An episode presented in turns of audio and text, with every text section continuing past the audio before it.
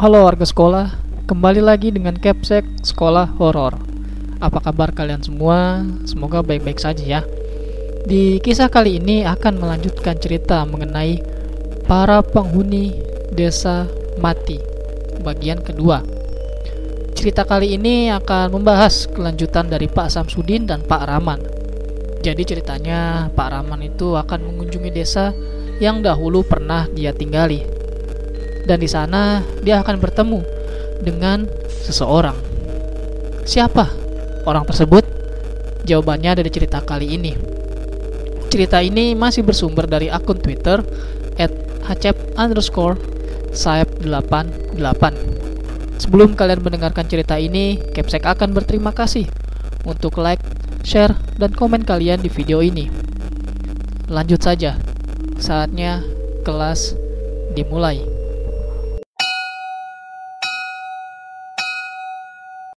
Pak Samsudin tidak dapat tertidur karena merasakan hal aneh yang seperti sedang mengintainya.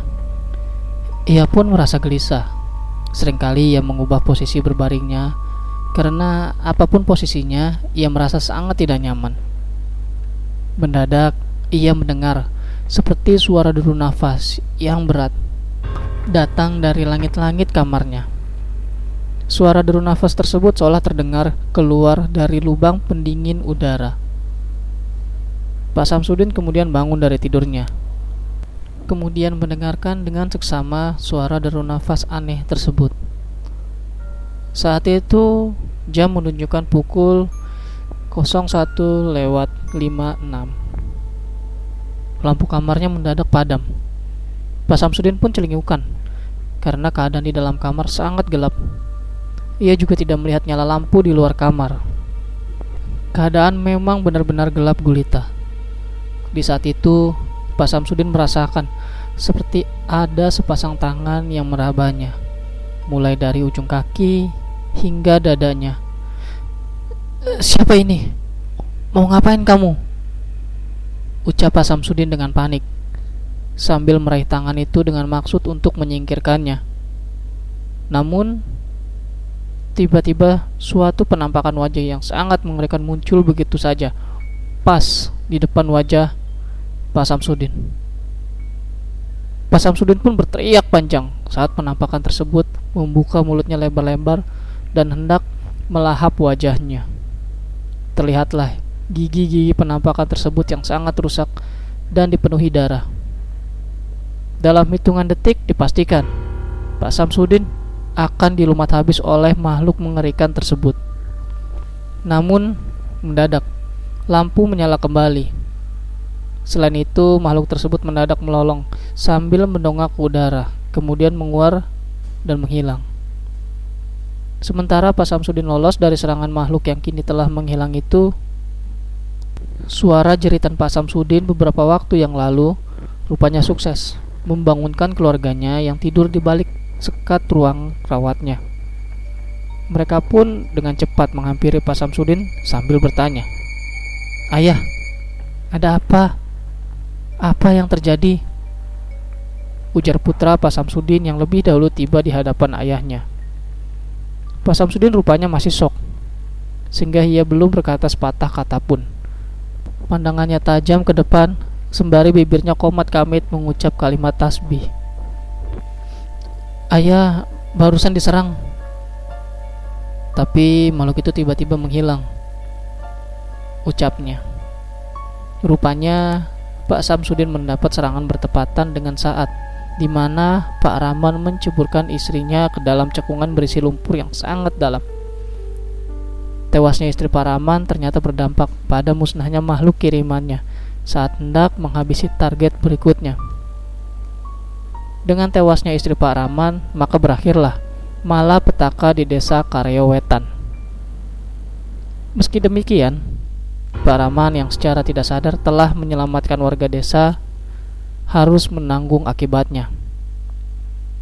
Sang majikan, Bu Arsini, yaitu istri Pak Rahman, membuat Wawagor sangat muka karena pemujaannya berakhir di dalam kolam lumpur yang mematikan. Karena itulah Makhluk buas tersebut mengincar Pak Rahman saat pria tersebut memasuki suatu desa yang telah lama ditinggalkan penduduknya. Desa mati tersebut dulu sempat menjadi tempat Pak Rahman menghabiskan masa mudanya. Di desa tersebut jugalah ia berkenalan dengan dokter yang sangat cantik saat mengantar ibunya berobat. Dokter tersebut tidak lain adalah Dita. Pak Rahman pun teringat akan sosok gadis cantik yang ia perkirakan umurnya hanya sedikit lebih tua darinya waktu itu. Sekarang, mungkin gadis itu sudah menjadi seorang ibu, seperti halnya dengan dirinya, yang kini telah memiliki tiga orang putri, meski hanya satu yang masih hidup. Namun, perkiraan Pak Rahman mengenai Dita sama sekali tidak tepat, karena gadis tersebut mengalami nasib yang sangat tidak dapat terbayangkan. Pak Raman sama sekali tidak mengetahui nasib Dita pasca peristiwa di masa lampau yang terjadi di desa itu. Kini, Pak Raman berada di desa yang sama. Namun, desa itu kini tinggal reruntuhan tanpa seorang pun terlihat di sana. Pak Raman hanya dapat membatin saat menyaksikan desanya menjadi desa mati. Ia pun melangkah melewati jalan desa yang beraspal, namun sebagian besar telah rusak ia selanjutnya menatap ke arah bangunan puskesmas yang telah mengalami kerusakan parah di sana sini. Di puskesmas inilah dulu ia mengenal Dita. Saat itu ia sangat berharap dapat mempersunting gadis itu. Namun harapannya luntur saat mengetahui bahwa gadis impiannya telah memiliki kekasih. Terakhir kali ia bertemu Dita adalah pada saat mendiang ibunya berulah dengan memanggil Balapati yang merupakan pasukan dedemit berkepala domba. Sejak itulah ia tidak pernah lagi bertemu dengan Dita. Apalagi saat itu ia diajak pindah ibunya ke kota yang jaraknya sangat jauh dari desa ini. Setelah pindah, ia dipaksa ibunya menikah dengan Arsini, perempuan yang belakangan harus ia habisi karena kejahatannya. Pak Rahman menghela nafas, kemudian duduk di tembok rendah di depan puskesmas. Ia mengatupkan kedua tangannya sambil menuduk. Sejenak ia mengangkat muka saat mendengar suara langkah kaki dari belakang sebuah rumah rusak yang berada di samping puskesmas. Paraman berdiri, kemudian bersembunyi ke balik tembok puskesmas. Di sana ia melihat ke arah sumber suara langkah kaki tersebut. Tidak terlihat seseorang yang muncul dari balik rumah rusak itu. Paraman pun merasa sangat penasaran. Meskipun begitu, ia tetap menunggu hingga ia dikagetkan oleh seseorang yang menepuk pundaknya dari belakang.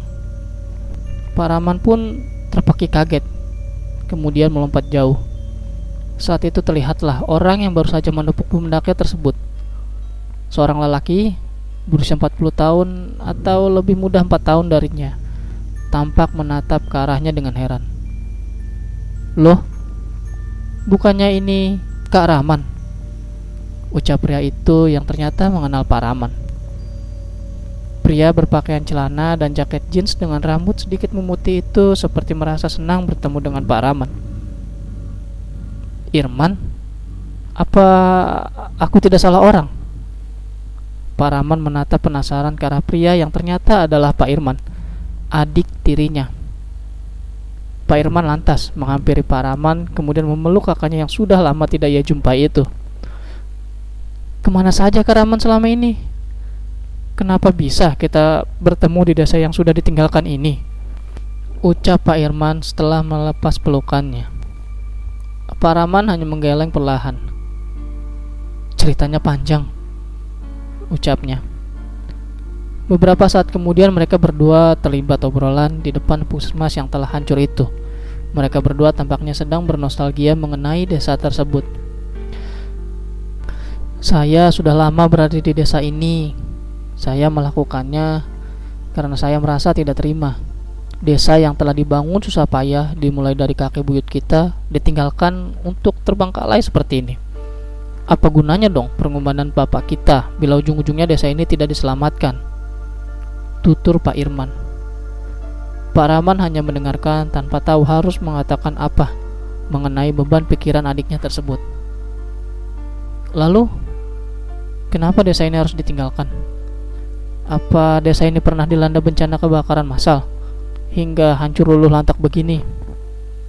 Ucapnya. Dan itu dia cerita mengenai para penghuni desa mati bagian kedua. Kira-kira sebenarnya kejadian apa yang telah menimpa desa tempat tinggal Pak Raman dahulu? benar-benar membuat penasaran ya. Pokoknya kelanjutan ceritanya ada di video selanjutnya. Terima kasih buat kalian warga sekolah yang telah mendengarkan cerita ini dan terima kasih juga kepada akun Twitter @acep underscore saep88 yang telah memberikan kami izin untuk membacakan cerita ini. Jangan lupa like dan share video ini agar warga sekolah horor semakin bertambah. Dan sampai jumpa di kelas berikutnya. Assalamualaikum warahmatullahi wabarakatuh.